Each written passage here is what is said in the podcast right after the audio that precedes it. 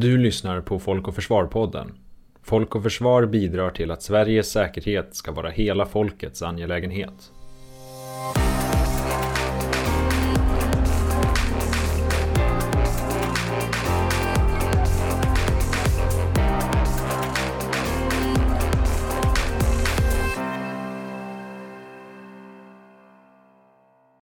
När covid-19-pandemin drabbade världen kom en tidigare inte särskilt känd film att få förnyad uppmärksamhet. Steven Soderberghs Contagion handlade nämligen om ett influensavirus som sprids som en pandemi över världen. Likheten med verkligheten blev plötsligt tydliga för publiken som med skräckblandad förtjusning försökte se paralleller till deras egna upplevelser i filmens fiktion. Bland annat förekommer medicinsk desinformation och begrepp som social distansering i filmens berättelse i likhet med verkligheten tio år senare. Det här plötsliga intresset för Contagion och liknande filmer lyfter frågan. Kanske kan fiktionen hjälpa oss att hantera de verkliga utmaningar som vi ställs inför i kris. En annan historia som oftast tas upp i de här sammanhangen handlar om långt mer offentlig kommunikation. 2014 offentliggjordes ett dokument från amerikanska försvarsdepartementet som fick såväl säkerhetssfären som underhållningsvärlden att reagera med förvirring och kanske ett och annat leende. Dokumentet, som skrivits några år tidigare och som går under det mindre uppseendeväckande namnet CONOP 8888 visade nämligen på en plan för hur det amerikanska försvaret skulle hantera en zombieapokalyps. Det här var alltså ett officiellt dokument som enligt författarna inte skulle ses som ett skämt och som visade på hur en zombieinvasion skulle mötas. Idén kan tyckas befängd och som ett slöseri med skattepengar, men dokumentets författare gick djupare in på varför man tagit fram dokumentet. We posted this plan because we feel it is a very enjoyable way to train new planners and boost retention of critical knowledge. Att i dokumentet hänvisa till populärkulturella fenomen från filmens värld skulle med andra ord göra det enklare att utbilda försvarspersonal genom att underlätta för dem att ta till sig och minnas kunskapen. Samma år som Canop 88-88 skrevs kom också amerikanska folkhälsomyndigheten, Centers for Disease Control and Prevention, ut med informationsmaterial till allmänheten där beredskapsråd förklätts till en zombieserietidning. Intresset för populärkulturens framställning av krissituationer, såväl orealistiska som verklighetsnära, kanske tyder på att de amerikanska myndigheterna var på rätt väg för tio år sedan. Film är en konst och underhållningsform som har ett enormt stort genomslag hos allmänheten i stort och hos enskilda individer. Just därför kanske film kan vara ett verktyg för att skapa beredskap. Välkomna till Folk och Försvar-podden, där vi i det här avsnittet kommer att titta närmare på populärkulturens, mer specifikt filmens, roll i den mentala beredskapen för kris och krig.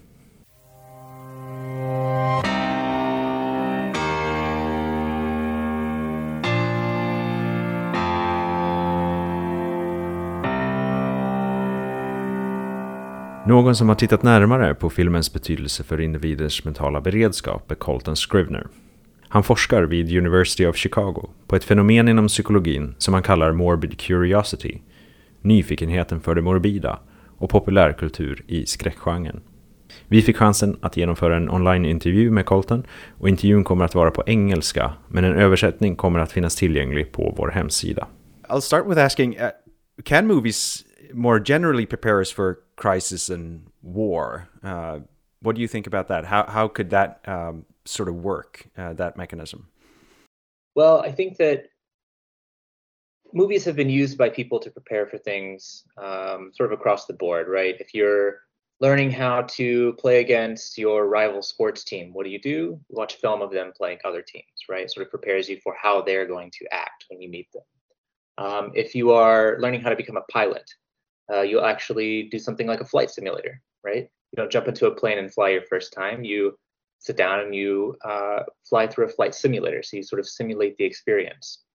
And so I think movies can do that kind of thing for us, where they simulate certain kinds of experiences that, uh, for one reason or another, we may not want to um, be involved with the very first time that we see it, right? So, for example, uh, with the movie Contagion, uh, we saw that contagion became very, very popular around the early months of the COVID 19 pandemic, at least here in the US. And I think that was true in, in much of Western Europe as well.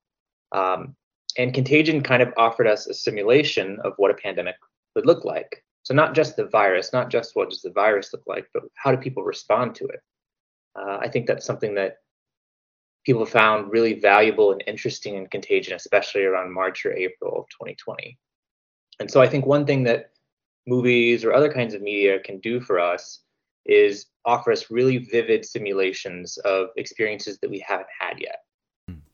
I see. And and are there any differences? I, am thinking in terms of you know mental preparedness for a certain type of disaster crisis. Uh, th- that's one thing, of course. But do you think there's a difference also in how these people practically prepare for for crisis or disaster war? Uh, is there a do they take it further than than the sort of mental preparedness for this? Uh, that's hard to say. I think some people might.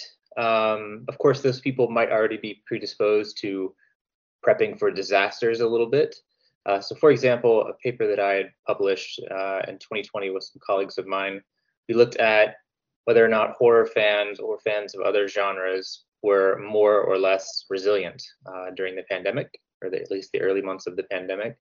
But we also looked at whether or not they felt more prepared for the pandemic, and this would be a, material preparedness. You know, did they get the right items? Did they stock up? Um, and what we found were that people who were fans of certain kinds of films, uh, in particular what we called prepper genres. So these were films that involved some sort of world-changing event where uh, the result was something that you know the world had never seen before, and if you were prepared for it, you would be in a much better uh, situation. So, for example, films like alien invasion films, um, zombie apocalypse films, or other sorts of apocalyptic type films. Um, and what, what we found were that people who were fans of those types of movies specifically uh, reported that they were much more materially prepared for the pandemic. Now, it's not clear if you know watching those movies maybe persuaded them to become more prepared, or if the type of person who is sort of already prepared for a disaster is more prone to watching those kinds of movies. Of course, I think in either case, you know, if a person who is who wants to be a so-called prepper um, is also watching fiction about prepping, then at least they have some sort of intuition that it might help them understand how to prep better, right? So it's difficult to say whether or not it really works, um, but certainly it offers ideas about how to do things. So perhaps the more accurate the movie is, or the better portrayal of reality it is, the better of a tool it would be. Mm-hmm. And you do research on something uh, that you call morbid curiosity. Could you elaborate a little bit about what that is and how that sort of feeds into this kind of psychological mechanism uh, in people? So, morbid curiosity, uh, I've been defining it as an interest or a curiosity about threatening situations or potential dangers. Uh, and it's a particularly interesting kind of curiosity because typically we think of curiosity um, about of being about whimsical things. Kind of, uh, I'm curious about you know how this person is doing or uh, what this area of science might say about something. Um, but there's typically no costs associated, or at least very minimal cost associated with things we're curious about. When it comes to morbid curiosity, there are potential costs uh, with what we're curious about. So if you're curious about violence, or you're curious about uh, dangerous people or psychopaths, uh, there are costs with learning that kind of information. And so the best way for you to learn that kind of information, because it's costly, is to uh, learn it through a simulation rather than learning it firsthand. So it's better to learn what psychopaths are like by reading a book about them or watching a movie about them than it is to meet one on the street and then find out later that that was a psychopath, right? Uh, and so our mind makes these sort of cost benefit calculations very quickly, um, and it seeks out, or we seek out rather, uh, situations where the costs are lower but the benefits remain high. So um, you know, a somewhat true or seemingly true simulation uh, is much is a much better opportunity to learn about that event than the real thing, um, as long as you can find you know a good and proper simulation. Um, so morbid curiosity would promote us to kind of seek out those sorts of situations, uh, and in doing so, could potentially prepare us um, either materially for certain kinds of threats, uh, or uh, one thing that my colleagues and I have argued is that it could actually prepare us as you mentioned earlier, sort of mentally um, or emotionally. So a lot of people don't have good experience with feeling afraid and feeling anxious. Um, and I think that scary media in particular kind of offers us a safe place to experience those emotions and learn how to navigate them. You know, a lot of people, when they start feeling really afraid or really anxious, they panic a little bit, um, in part because it is meant to make you feel panic, right? Um, but also in part because we're not used to it. We're not used to feeling this emotion. Uh, and it feels like things are getting out of control.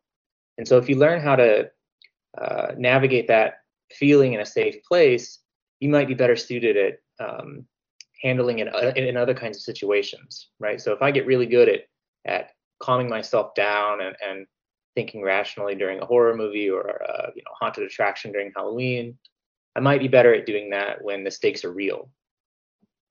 Um, and you know, I think horror is not the only, uh, you know, scary movies, for example, are not the only way to do this. Um, at least with the emotional preparedness. I think that there any any kind of situation you put yourself in where you can kind of test your limits, in particular relating to fear and anxiety, can probably do that really well. Um, I know certain martial arts have talked about this. Brazilian Jiu Jitsu is a common one because when you spar in, in Brazilian Jiu Jitsu, you uh, spar at a very real level, right? They're real holds, real grabs. Um, you're really being pinned down, as opposed to like let's say sparring in boxing, which is sort of um, held back a little bit. And so the simulation in Brazilian Jiu Jitsu is much more uh, similar to the real thing.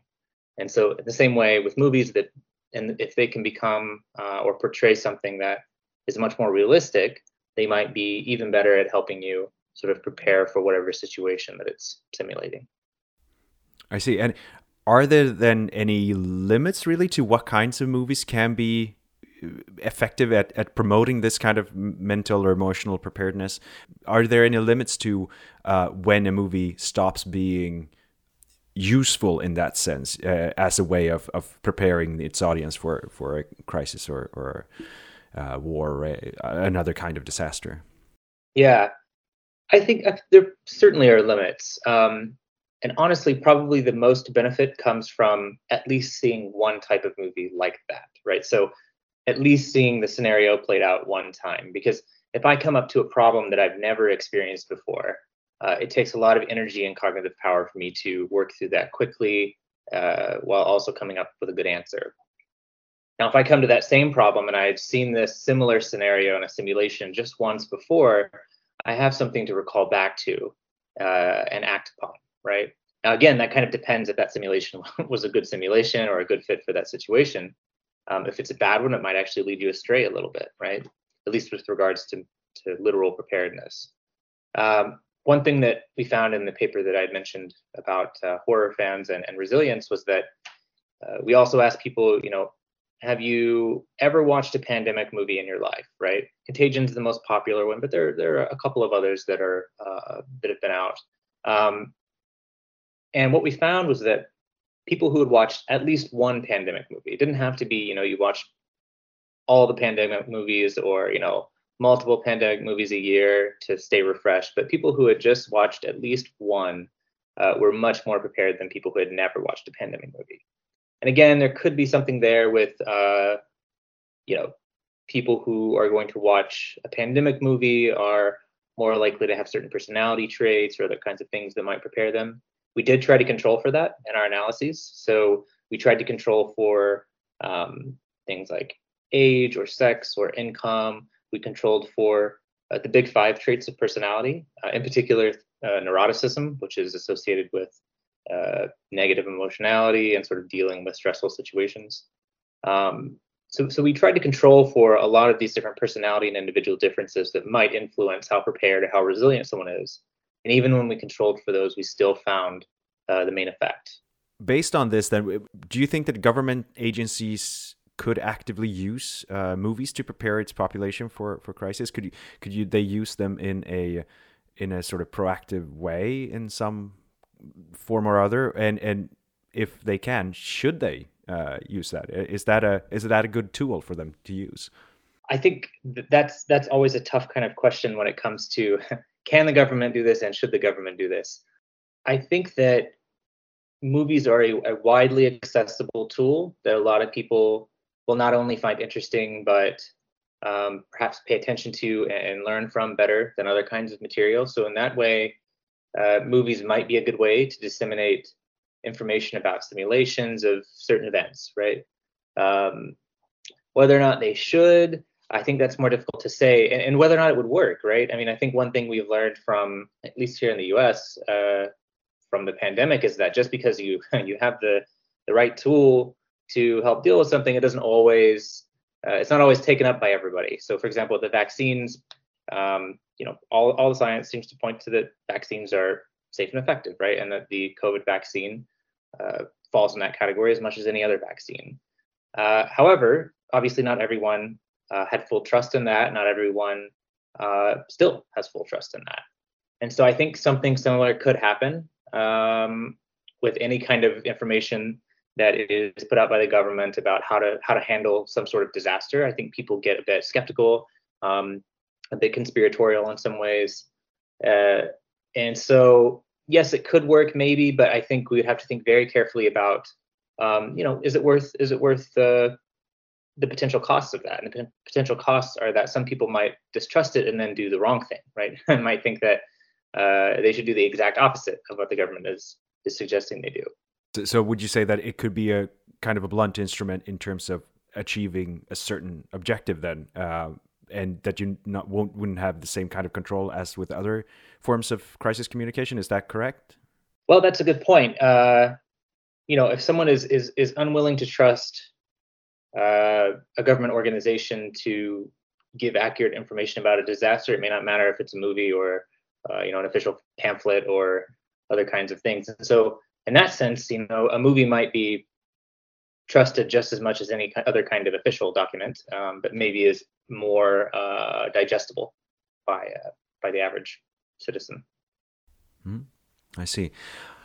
And of course, something that we talk, uh, unfortunately, a lot about here now uh, with uh, the current war in the Ukraine, of course, is uh, preparedness for not just a, a, civilian crisis where you have, you know, a, a non-human uh, threat in some form, but actually war as well. Um, of course, war movies are a, a, a genre of movies uh, on its own, with perhaps different kinds of stories, different kinds of, of storytelling and and and purpose than than disaster movies or horror movies, uh, to some extent at least. Uh, do you think that war movies can have the same effect uh, in terms of mental or emotional preparedness uh, in its audience as would say horror or disaster movies or alien invasion movies or something like that?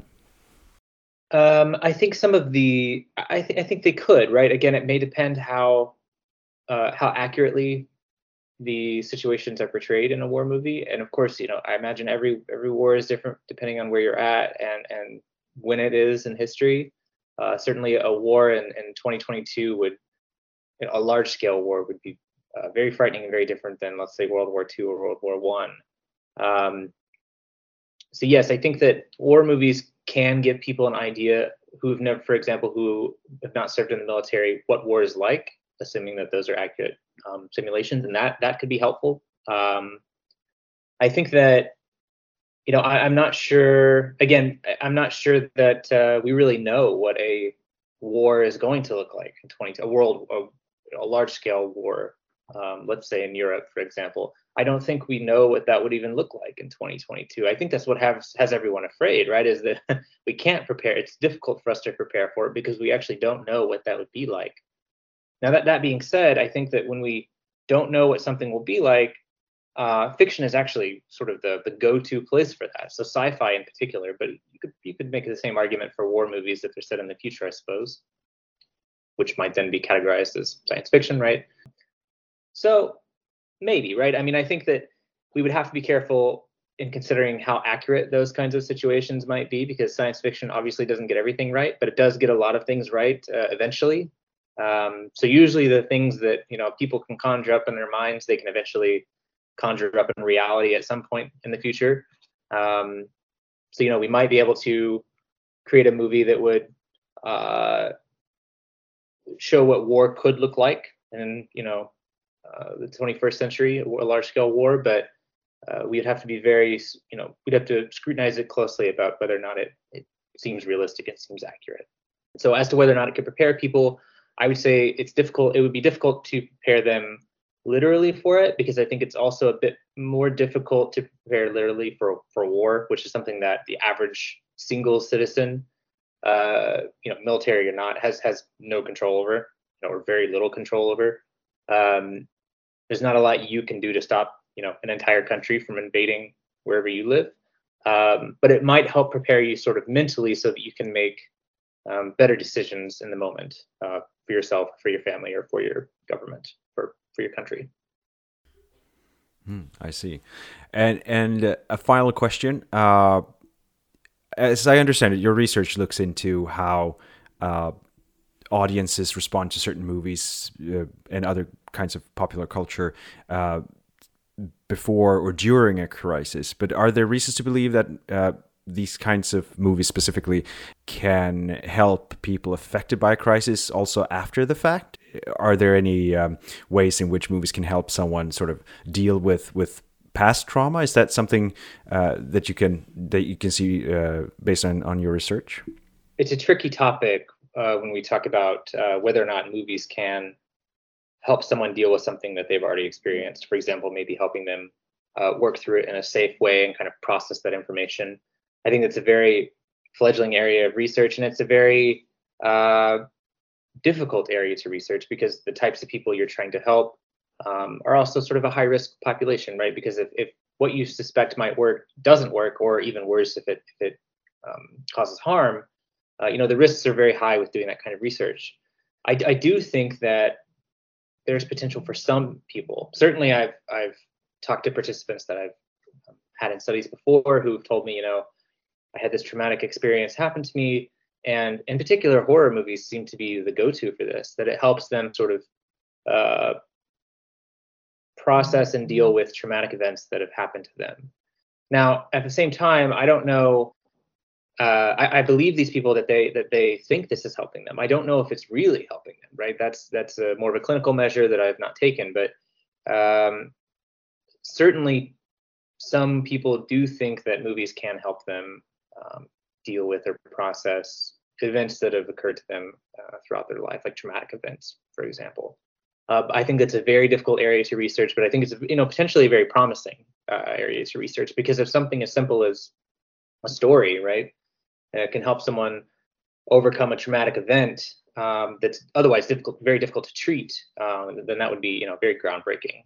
Um, so I, I would say it's definitely possible uh, for movies to help people uh, process or, or um, help them move past certain traumatic events in their life, but uh, is an area that, that science will need to sort of step into very carefully.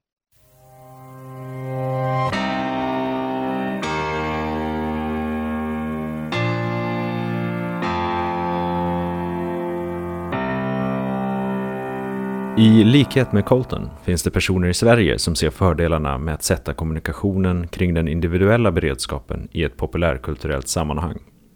Herman Geijer är författare och zombieöverlevnadsexpert och har i tio år arbetat med att skapa intresse och sprida kunskap kring hemberedskap och liknande frågor utifrån ett populärkulturellt perspektiv.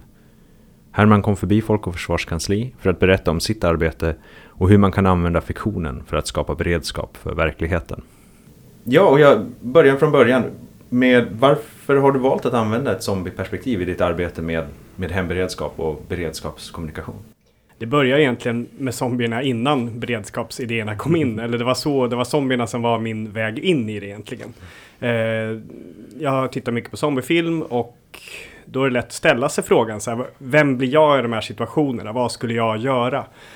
Eh, och jag startade en studiecirkel på ABF i just att överleva zombiekatastrofen. Liksom som en kul grej lite grann. Eh, men så var det väldigt många som anmälde sig och jag kände att jag behövde lära mig mer kring de här frågorna. Det här var 2011 och det var liksom innan eh, den här typen av diskussion hade börjat föras på bred front i Sverige skulle jag säga. Det var inte så, alltså preppers var fortfarande så här väldigt skumma typer med kamouflagekläder och kniv.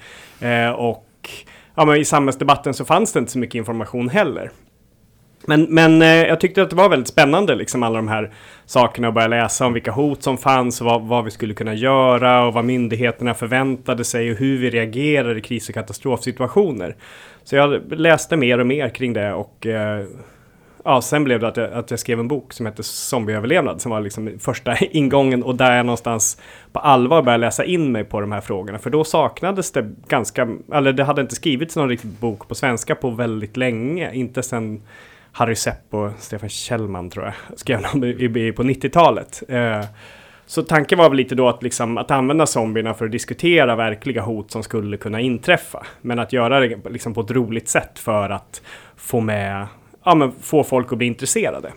Ja men jätteintressant. Och du är ju inte ensam om att vara, ha ett intresse för zombiefilm och skräckfilm och den typen av, av jag menar, populärkultur. Eh, upplever du bland de som du träffar att de som är, Eh, har det intresset också är mentalt bättre förberedda för, för kris eller potentiellt krig, liksom, om en sån sak skulle uppstå i Sverige? Det tror jag är svårt att säga. Eh, det skulle man nog behöva eh, liksom, forska mer på. Jag vet ju att det har gjorts eh, liksom, lite studier kring de sakerna. Men jag tror ju att det är någonstans är bra att ställa sig frågan så här, vem, vem blir jag? Vem vill jag vara i den här situationen? Eh, för jag tänker också att det, det, är inte bara en fråga om liksom någonting passivt, utan det går ju också att fundera på så här, hur skulle jag vilja bete mig i de här situationerna? Eh, och det tror jag blir mer mer givande för en, liksom en allmän beredskap. Att man börjar fundera över sin egen roll på ett annat sätt än att bara tänka att så här, jag skulle få panik eller jag skulle bli den här hjälten som räddade alla eller jag skulle... Eh, för, för det vet vi inte innan en sån här situation inträffar. Vi vet inte riktigt hur vi agerar. Men det går ju att träna sig på liknande scenarion eller går att fundera och det kanske ja, men liksom går att reflektera över vilken roll och vilka kunskaper, förmågor som man har som man skulle kunna ha nytta av eller, eller vara en resurs med. Ja, men jätteintressant. Och för det finns ju, det finns ju gott om hemskheter i, i världen som vi kan konstatera. Är finns det någon poäng i att det just är att det har fantasyinslag, att det är, är, inte är på riktigt i, i de här filmerna? Är det en på något vis ett, ett verktyg för oss som människor? Eller är det liksom, skulle det lika gärna kunna vara en video av, av något, liksom, någon olycka eller någonting sånt som, som sker på riktigt? Ja, jag tror verkligen att det skiljer sig lite grann där. Att vi genom fantasin, vi genom liksom det fiktiva kan också eh, lättare närma oss olika typer av kriser som inte känns så hemska. Liksom om man tänker på liksom krig som är aktuellt nu eller klimatkrisen som egentligen också är aktuell nu så känns det inte så, så kul att tänka på att ens barn kommer kunna, alltså hur ens barn kommer ha det om, om 20-30 år om det blir liksom om det skulle vara ett kärnvapenkrig eller om liksom, eh, vi inte gör mer för att hindra klimatkrisen. Den världen kommer inte vara så kul att leva i. Och jag tänker att, att ta till sig det är mycket svårare än att tänka sig att jag är en överlevare efter zombiekatastrofen eller jag och mitt barn eller liksom vi, vi har klarat det här för att vi vet att det är fiktivt. Men, men det, det är ungefär samma typer av här, kunskaper och, och ja men kanske om man tänker på ett kortare perspektiv, saker som man behöver hemma för att klara en zombiekatastrof också. Och jag, jag, jag, tänker att, att det är en bra ingång för många. Jag tror att det är många fler som, eller i alla fall vissa grupper blir mycket mer intresserade när zombier kommer in. Eh, eller för all del någon annan typ av monster kanske som representerar någon typ av kriskatastrof. Eh, än det är att bara liksom lära dig, du ska ha de här sakerna hemma. För det, det blir mindre konkret om inte hotet känns så väldigt akut. Som det i och för sig har börjat göra nu. Jag tycker att det har hänt saker i och med kriget i Ukraina, eh, Rysslands invasion, så har någonstans ja, men den här beredskapen så här, seglat upp väldigt mycket. Liksom. Eh, och jag har lite fått plocka bort zombierna för att, i föreläsningar och liksom i, i när jag pratar för att de blir mindre relevanta. Jag tänker också att det är ganska intressant att så här, innan känslan av kris verkligen infinner sig så är det lättare att ta med det fiktiva. Men under själva krisen så blir det svårare. Det kanske snarare blir ett hinder i sådana fall lite grann. Eh, för att vi, vi känner att nu är liksom, nu skulle någonting verkligen kunna hända de flesta går inte omkring och tänker att så här, nu är det på väg att liksom, det skulle kunna hända imorgon. För att den känslan tror jag är alldeles för jobbig att härbärgera. Då, då tror jag att man är, är i behov av professionellt stöd. Liksom. Det, och det är många som är det. Det är många som har svårt att liksom, habituera sig in i, jag tänker på liksom, klimatångest och den här typen av känslor av att, att eh, undergången är nära på något sätt, som, som är relevanta. Men, men att där blir där, där blir zombien kanske snarare än, eller liksom de här metaforerna blir mindre effektiva. De blir mer effektiva i, i situationer när det är lite lugnare. Liksom. Om man tittar då på liksom svensk kommunikation från officiell, officiellt håll och offentligt håll har ju handlat mycket om att väldigt så, sakligt, tydligt, konkret, om krisen eller kriget kommer, liksom, där är det ju verkligen så här är det, så här ska du göra. Är det kanske värt för svenska myndigheter att börja titta på, på att liksom sätta in eh, beredskaps, eh, beredskapsarbetet i en populärkulturell kontext också? Finns det effektivitetsvinster i kommunikationen där tror du? Ja, det gör det ju absolut. Det handlar väl om målgruppstänk, eh, tänker jag. Vilka som man vill nå med en kampanj och vill man nå eh, människor i 20 till 50 års åldern så, så är liksom zombien ett ganska bra verktyg i alla fall skulle jag säga. Eh, men även kanske barn. Eh, jag har skrivit en barnbok som handlar om zombieöverlevnad också, och där jag tar upp liksom verkliga saker. Eh, för där är det ju också så att de, de förstår att zombier inte finns på riktigt, men de älskar zombier, eller väldigt många barn, eller liksom fascineras av dem. Och det finns jättemycket zombier i barnkulturen. Så jag tänker att Eh, för att tänka målgrupp så absolut. Men å andra sidan, man får ju alltid skit för jag, jag kan tänka mig att det finns en rädsla för att bli kritiserade för att inte vara seriösa och att myndigheter i Sverige har väldigt mycket av en, liksom en, en kanske lite grå fasad av korrekthet, liksom att det är det som är det viktiga. Eh, och jag tror absolut att de skulle få mycket kritik om de lanserade någon, eller gjorde någon typ av så här zombie eh, zombiegrej. Men, men jag tror också att många skulle tycka det var kul. Mm. Eh, men det är ju alltid risker man tar. Och andra, MSB och liksom krisinformation.se, de här statliga sidorna som ska få oss förberedda, de, de får ju kritik vad som än händer. Liksom. Det spelar ingen roll vad de gör. Det är ändå folk som är sura på dem för att någonting inte riktigt är precis som de vill att det ska vara eller att eh, Hesa Fredrik inte låter i deras kommun eller någonting. Så. Eh, nu har du jobbat med det här i, i tio år. Eh, och finns det de som tycker att det här är så pass oseriöst att det inte bör göras, att man inte bör titta på eh, krisberedskap ur ett populärkulturellt perspektiv och, och hur, vad, vad tänker du om deras resonemang kring det hela? Jag tänker att det finns många som är kritiska till liksom, att prata om zombies. Och kanske särskilt liksom, min föräldrageneration, 40-50-talister, som inte har zombier med sig som en liksom känd populärkulturell referens som de känner till. De, där har jag fått flera som har liksom, pratar om att varför pratar de om zombier? De, det, behöv, det finns tillräckligt med hemskheter som, i världen som det är och sådär. Men, men jag tycker att oftast om jag får några minuter att sitta och prata om vad jag gör så brukar det lösa sig. Det får jag inte på sociala medier och där bryr sig ingen heller liksom om vad jag svarar. Mm. Eh, såklart eftersom det, klimatet är sånt där. Men, eh, men, men det, det, det är klart att det gör det. Så att det, det, det finns liksom, det finns hos, hos en hel del att de tycker att det är dumt eller att det gör narr av liksom någonting som de har hållit på med, kanske väldigt länge. Kan, och det kan också ha liksom någon sorts mänsklig förståelse för att har man hållit på med beredskap och liksom överlevnad eller krismedvetenhet och beredskap i, i 30 år och folk har inte brytt sig så himla mycket och så kommer liksom någon och pratar om något som inte finns på riktigt som får uppmärksamhet. Det är klart att det är... Man, man, jag, kan, jag, kan, se att man tycker det är tråkigt liksom. Jag, jag, jag skulle ju hellre vilja att så här, ah, vad roligt att, eh, att det är flera som kämpar för samma sak och att vi använder olika sätt för att berätta lite liknande saker. Men ja, det, det är som det är lite där. Du nämnde att du, du har riktat dig mot barn i ditt arbete. Hur, hur tänker du kring kommunikationen om de här frågorna till, till en sån målgrupp som har en helt annan eh, kanske världsbild och, och också andra referenser än vad vi vuxna har. Jag tänker att det är bra att använda populärkulturen som de vet vad det är för någonting i alla fall. Och de vet vad zombier är, de tycker det är spännande. Men när jag eh, föreläser för barn så brukar jag också prata om Bamse ganska ofta. Att så här, Bamse, Lille Skutt och Skalman. Tillsammans så klarar de alla eh, allting. Liksom. De, de, en är, är snabb och väldigt rädd och ser faror överallt. Eh, en är väldigt smart och har mycket grejer men somnar hela tiden när det blir som mest farligt. Och en är stark, godtrogen och lite liksom, ja, han blir lätt lurad helt enkelt.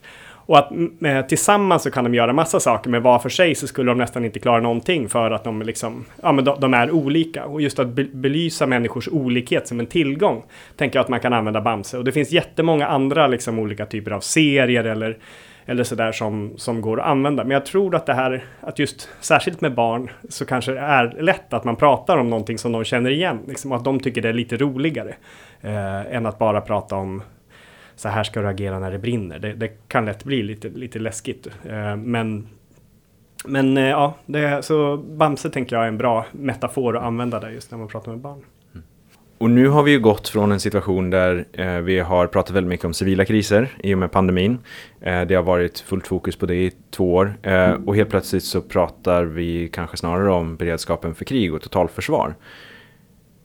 Tror du att det finns möjlighet att översätta det, det som man har gjort på den, området civil kris eh, med den här typen av arbete till också militär kris, ett militärt angrepp, krig eh, på något sätt? Eh, och hur tänker du det?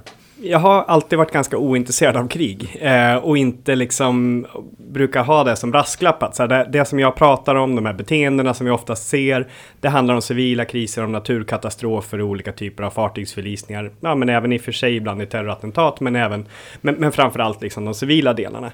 Så jag har liksom inte intresserat mig för det och det har väl berott lite på att den riskbedömning jag har gjort har tänkt att det här ligger ganska långt bort. Det här har jag fått omvärdera lite grann, även om jag fortfarande inte tror att det blir liksom krig i Sverige så kommer ett krig i, eller liksom Rysslands invasion påverka ju oss här också eh, såklart. Eh, det påverkar ju jättemånga saker, allt från livsmedelspriser till, till politiskt klimat och stabilitet i, i, i stora delar av, av Europa. Så att det, det, är klart att det påverkar oss mycket. Och själv, jag funderar mycket just på det här med beredskapen för kris eller krig. Och jag tänker att det är ju ungefär samma sak som vi riskerar. Alltså det handlar ju mycket om eventuella strömbortfall, det handlar om störningar i, i eh, liksom cyberkrig som kan ge störningar i elektroniska system och leveranskedjor och sånt där. Eh, vad jag tänker att vi behöver vara mer, tänka mer på i just ett krigshot eller liksom någon typ av sån situation är eh, är egentligen ryktespridning, desinformation. De här frågorna behöver vi vara, vara, vara mer aktsamma för eller liksom tänka mer på vad vi delar och varifrån källor kommer. Även om det är så i andra kriser också. Jag, jag tänker att vi, det såg vi också under coronapandemin att det, det kom väldigt mycket liksom Ja, men det, det, det, blev som också en politisk rörelse som formade sig kring, kring eh, strategin och, liksom, och, och sen vaccinmotstånd och sånt där. Så att det, det finns ju också en... Det finns även i andra typer av kriser, men jag tänker att vi i i, i krigssituationer behöver vara extra varsamma med det. Och sen funderar, tänker jag också på att det här med flykt är ju en större sak. Att om det skulle bli en invasion så kanske vi blir tvungna att, att lämna våra hem. Om vi inte liksom blir tjänstgör på något sätt.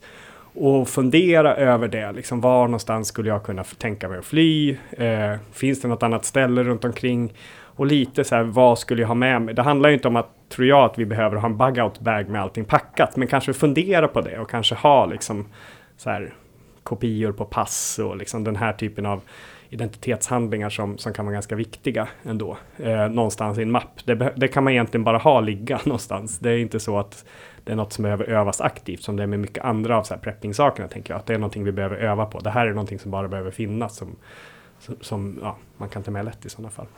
Mm. Upplever du att det är skillnad på eh, film och film, vilka filmer man ser i, i ens beredskap också, hur man tar till sig eh, liksom det som händer på film och därmed kan översätta det till, till den verkliga situationen. Jag menar, det finns ju alla möjliga eh, zombiefilmer för den delen, men det finns ju också andra genrer. Påverkar det på något vis ens möjligheter att ta till sig eh, och eh, förbereda sig mentalt för en, för en kris eller en katastrof av något slag.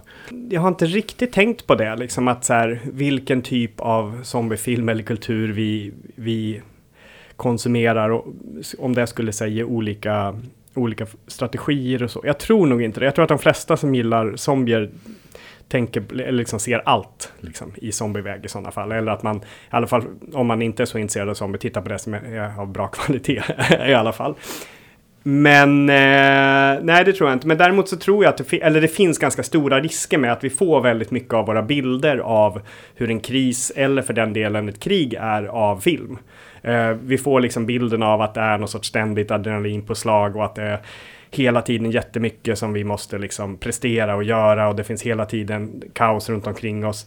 När nästan alla kriser och även krig skulle jag säga är ganska mycket tristess, mm. det, är mycket, det blir vardag, eh, det händer ingenting liksom. Och det, jag började tänka på det, för när jag, när jag var liten så läste jag den här arméns överlevnadshandbok som kom på 80-talet någon gång tror jag. Eh, och där, där fanns det så här olika fiender i en kris, i en, i en krigs, överlevnadssituation eller krigssituation. Och där var det så här tristess, långtråkighet, apati och känsla av meningslöshet. Alltså det finns en massa av sådana känslor som även soldater liksom identifierar, eller ja, som Försvarsmakten identifierade var viktiga att tänka på även för, för soldater. Jag tänker att det är samma sak på civilbefolkningen. Och det är lite samma sak när man också så här, ja, men man ser människor i Ukraina som är ute och sopar på gatorna och liksom städar undan skräp och, och försöker ha det ja, så trevligt som det går att ha. Liksom. Eh, sjunger tillsammans i skyddsrummen eller, eller de här bilderna av att eh, ja, men man, man, försöker ändå bygga en vardag i någonting som är så fruktansvärt. Och det tänker jag att de här filmerna tar bort lite grann och kan göras lite oförberedda på.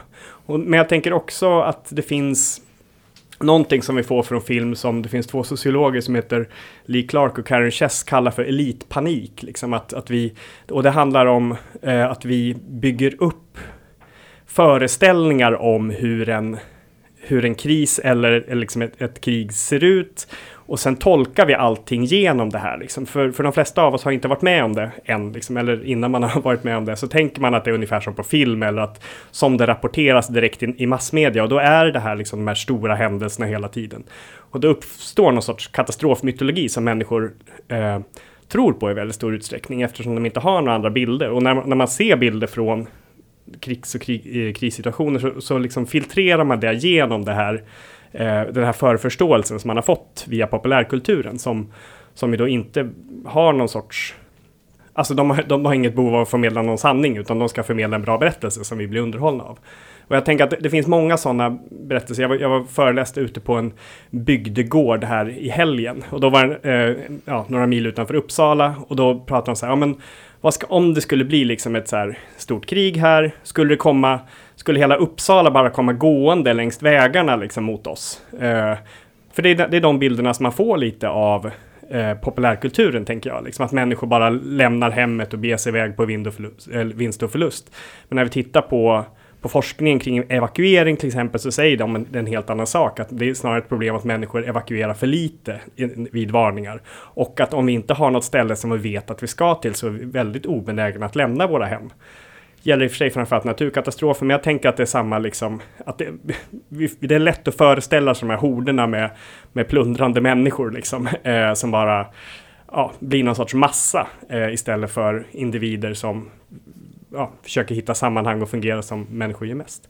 Tänker jag. Så det, det, det, finns, det finns en fara också i att, att tänka för mycket på film som att det är så här det är, liksom, eller förbereda sig utifrån hur det är på film. Det krävs också någon typ av, så här, titta på forskning, tänker jag. Skulle du då säga att har filmskapare något ansvar för att förmedla en, en rimligare bild av kris eller krig? Eller är det någonting som inte är deras uppgift? Hur, hur tänker du kring det?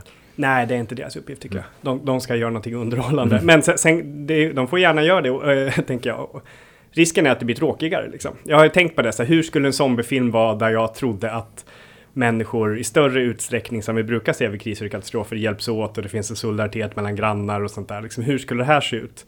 Och det skulle nog bli en mycket tråkigare film, tror jag.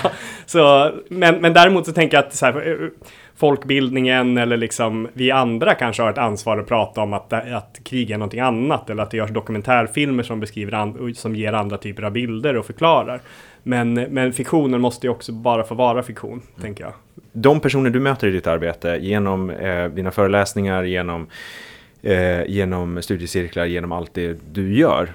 Eh, när du har fått liksom presentera ditt, ditt case och lagt fram hur du tänker kring de här sakerna, hur, hur, vad får du för reaktioner från, från de som sitter i publiken? Ja, många tycker att det är intressant. Men, och, och just, men jag, jag, tänker att folk har väldigt svårt att släppa den populärkulturella bilden av hur, hur det skulle bli i en kris. Eh, vi, den sitter ganska djupt i oss. Så jag tänker också att den är liksom ja, men någonstans är det lite så här hobbesiansk i att den är, det är något som brukar kallas för fernissa-teorin, att vi har ett tunt lag, en, tunn, en fernissa av civilisation ovanpå oss och innerst inne är vi någon sorts odjur som, som skulle bete oss hur som helst om det inte fanns någon som satte upp lagar. Eh, och, och det här finns ju väldigt dåligt liksom, stöd för forskningsmässigt, snarare tvärtom.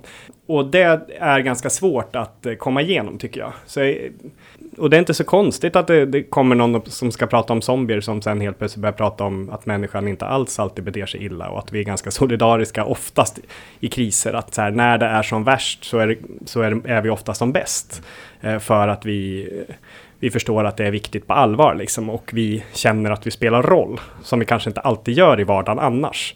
Eh, och när man gör någonting som man känner spelar roll så, så gör man ju det större. Liksom. Alltså det, det blir ju, man går in hårdare för det. Eh, och, ja, för alla vill spela roll, alla vill vara viktiga på något sätt. Och det tänker jag att vi känner att vi är i kriser, men vi kanske känner det i mindre i vanliga fall. Men det, men det jag tänker också att där finns spåret från eh, populärkulturen lite grann, att att vi vill gärna vara de här hjältarna på filmen, liksom som i stundens hetta träder fram och blir de här ja, men olika typer av hjältar, liksom att vi, vi faktiskt kan eh, vara dem. Zombiegenren är intressant för att där nästan alltid protagonisten är ganska vanliga människor. Det är inte sån här kändisar eller det är liksom inga speciella personer, utan det är folk som man oftast kan identifiera sig mycket med, vanliga folk med liksom vanliga jobb, som när zombierna kommer helt plötsligt visa sig ha någonting mer inom sig. Och det tänker jag att vi gärna vill tänka om oss själva också. Att här, när det värsta händer så, så har jag den här liksom, personen inom mig som skulle kunna ta klivet fram och, och vara den som jag kanske inte känner att jag kan vara i dagens samhälle. Jag tänkte avsluta, du, du, nämnde här precis innan vi började spela in att eh, du har ett bokprojekt på gång eh, där du också använder dig av, av, som jag förstår det, populärkulturella referenser för att beskriva en annan typ av händelse i samhället. Kan du berätta lite grann om det? Ja, men precis. Det är en bok som heter Monstersamhället som kommer i mitten på maj. Eh, och där pratar liksom mycket om den klimatkrisen vi lever i, eller antropocen egentligen, att vi har trätt in i en annan tidsålder som kommer präglas mycket mer av ovisshet, av olika typer av kriser och sånt där. Och då använder jag eh, Frankenstein, Viktor Frankenstein och hans monster eh, som någon sorts metafor för den situationen vi är i. Att vi har skapat ett samhälle som vi också vet potentiellt kan leda till vår undergång. Liksom vi har Eh, på någonstans håller vi på att såga av den grenen som, som vi sitter på, på civilisationens träd för att det är Ja, men så här, vi vet att vi inte kan fortsätta med de fossila bränslen hur mycket som helst, men hela samhället bygger på att vi har fossila bränslen. Den typen av lagrad energi går inte att ersätta bara sådär. Eh, och vad gör det med oss? Vilka krav ställer det på oss? Så jag försöker diskutera det både liksom ur ett så beredskapsperspektiv och hur vi kan förbereda oss tillsammans med andra. Lite kring hur myndigheter skulle kunna jobba. Eh, men också hur vi kan förändra, hur vi kan minska eh, klimatförändringarna och liksom, ja, men, så här, stoppa massutdöendet av arter och sådär. Eh, och sen leder jag in det på framtiden liksom, och, och, och diskuterar vilken framtid vi skulle kunna få. Men jag tänker att, att det blev, den här Frankenstein-grejen kom faktiskt in lite senare. I början ville jag bara skriva en bok om det här. Men sen så började jag, så man kanske skulle ha med någonting om monster i alla fall, för monster säger någonting om vår samtid hela tiden. Och så läste jag om Mary Shelleys Frankenstein då, och den är ju så bra. och, och säger så mycket också om eller den går att tolka på så många sätt liksom i hur deras eh, monstret och Viktors relation böljar fram och tillbaka och liksom präglas av av någon sorts förståelse ibland och sen blir det, övergår det till en hat och sen liksom äter den upp båda två. Och jag tänker att det säger någon, någonting om vår samtid. Jag tror att Frankenstein här kommer vara 20-talets monster kanske.